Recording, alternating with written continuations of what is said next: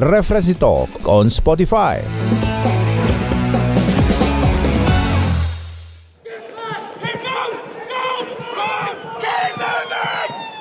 Everyone was running. I've never seen anything like it.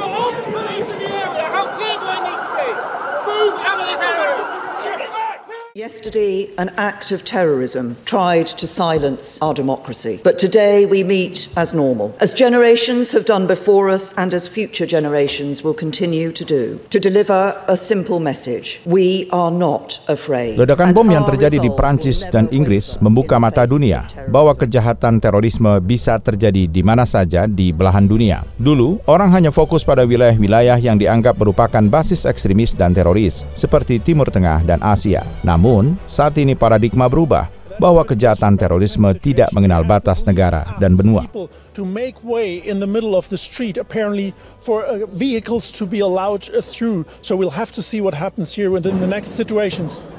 Now we're hearing massive explosions right behind me, and the police asks everyone to seek shelter and to get into and to move out of the way. Very dramatic situation. Georg. Clearly, police is storming now the building. Okay, we're going to stay with you as we watch what happens behind you. A very Beforehand, dramatic had- situation there. Now, a big vehicle is moving into the crime scene. There's special forces following back behind the vehicle, and apparently, the special forces are storming the building. They're asking us now to retreat the situation and to move away from that scene here. Kejahatan terorisme yang terjadi di Indonesia merupakan kejahatan terorisme yang tidak berdiri sendiri, namun merupakan kejahatan terorisme yang merupakan ekses dari terorisme yang terjadi di negara lain, baik global maupun regional. Inspektur Jenderal Polisi Hamidin, Deputi 3 Badan Nasional Penanggulangan Terorisme BNPT menceritakan bahwa saat ini ISIS yang selama ini diketahui sebagai organisasi ekstrim yang menjadi dalang kejahatan terorisme di dunia kondisinya gagal. Ini itu merupakan ekses daripada situasi terorisme global. Begitupun pada masa lalu. Artinya apa yang terjadi di Indonesia merupakan konsentrasi juga dari negara luar. Apa yang terjadi di negara luar itu menjadi konsentrasi kita. Sekarang kita ketahui bersama ISIS itu hampir kolab. Walaupun ada hampir kolab.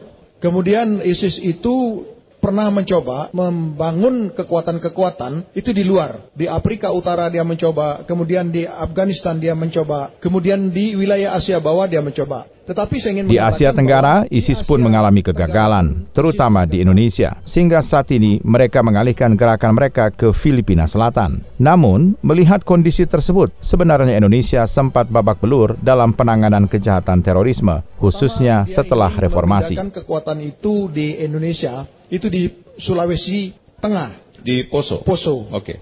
Kemudian itu gagal. Kemudian dia pindahkan ke Filipina Selatan karena dia tahu peta di sana bahwa ada hubungan historis antara teroris Indonesia dengan teroris di Filipina dan mereka boleh kita katakan itu 80% berhasil. Indonesia saat itu, sampai saat ini terus melakukan upaya memerangi terorisme. Banyak kejadian yang terjadi di Indonesia membuat Indonesia lewat pemerintah menyimpulkan bahwa perang melawan terorisme bukan hanya perang melawan aksi kejahatan, tapi perang melawan mindset ekstremis. Dunia pendidikan pun sampai saat ini melakukan kajian secara saintifik terhadap hal itu.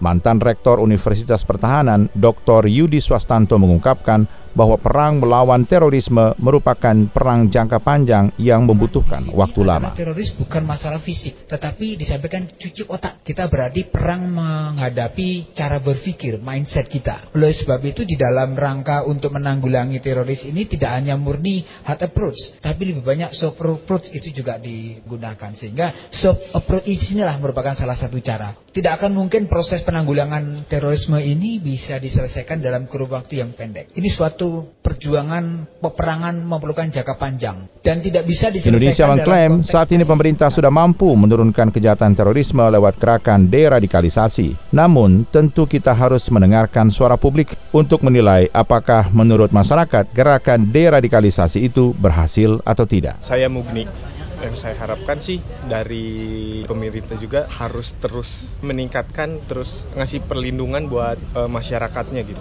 Mungkin untuk penanggulangannya dari dulu sampai sekarang ada kemajuan gitu. Sebenarnya semakin ke sini itu udah semakin bagus ya di Indonesia. Saya Menik penanggulangan teror belum sampai ke akar ya. Teroris itu kan pangkal permasalahannya pendidikan dan kemiskinan sebenarnya. Dimanfaatkan lah sama orang-orang yang punya kepentingan untuk membuat negara ini tidak stabil. Kalau untuk penanggulangannya itu agak telat mungkin ya. Cuman kan sebenarnya aku nggak tahu mungkin government juga do something gitu. Jadi bilang nggak takut nggak takut ya karena memang dari dokternya juga nggak takut kan. Cuman kalau misalnya penanggulangannya teroris yang kemarin agak telat mungkin ya aku bilang. Tapi kan akhirnya kan sekarang sudah jadi undang-undang dan segala macam. Cuman sebenarnya nggak tahu pasti sih sebenarnya setelah ada undang-undang itu terus bagaimana pencegahan teroris juga sebenarnya nggak ngerti ngerti banget.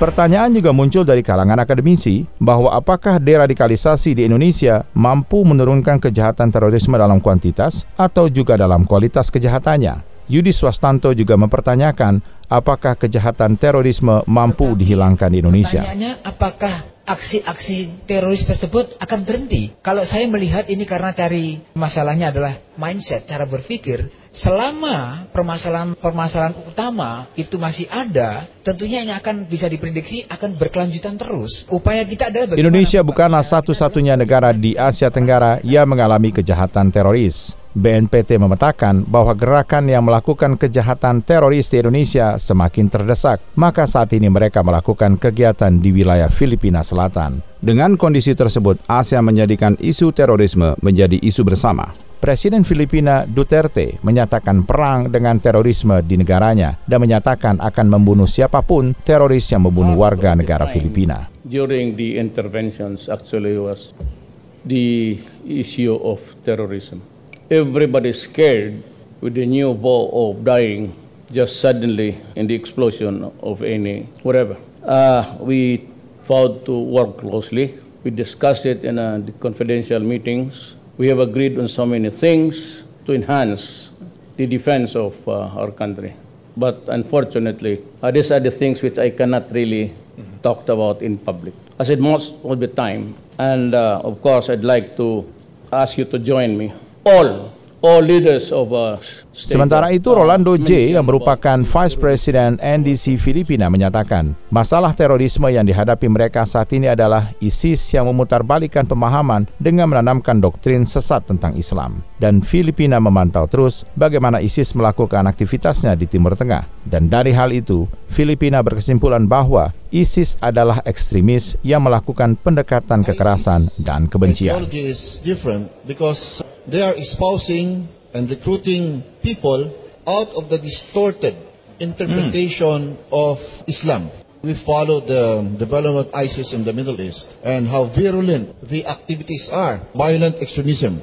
So that with that, it espouses an idea of hate and violence, which is, I believe, is against all the religions of the world, who espouses love and peace yeah, and tolerance. Yeah. So, with the ISIS idea... Di Indonesia, Presiden Republik Indonesia Insinyur Haji Joko Widodo menyatakan dan mengutuk keras kejahatan terorisme setelah kejadian bom di Surabaya yang terjadi di rumah ibadah dan kantor polisi melibatkan satu keluarga. Pada saat itu, Presiden dengan keras menyatakan bahwa Indonesia akan melawan terus terorisme dan meminta DPR juga punya komitmen yang sama dalam menyelesaikan undang-undang terorisme. Surabaya lagi, ini adalah tindakan pengecut tindakan yang tidak bermartabat, tindakan yang biadab, dan perlu saya tegaskan lagi, kita akan lawan terorisme dan kita akan basmi terorisme sampai ke akar-akarnya. Saya sampaikan kepada polisi, sudah perintahkan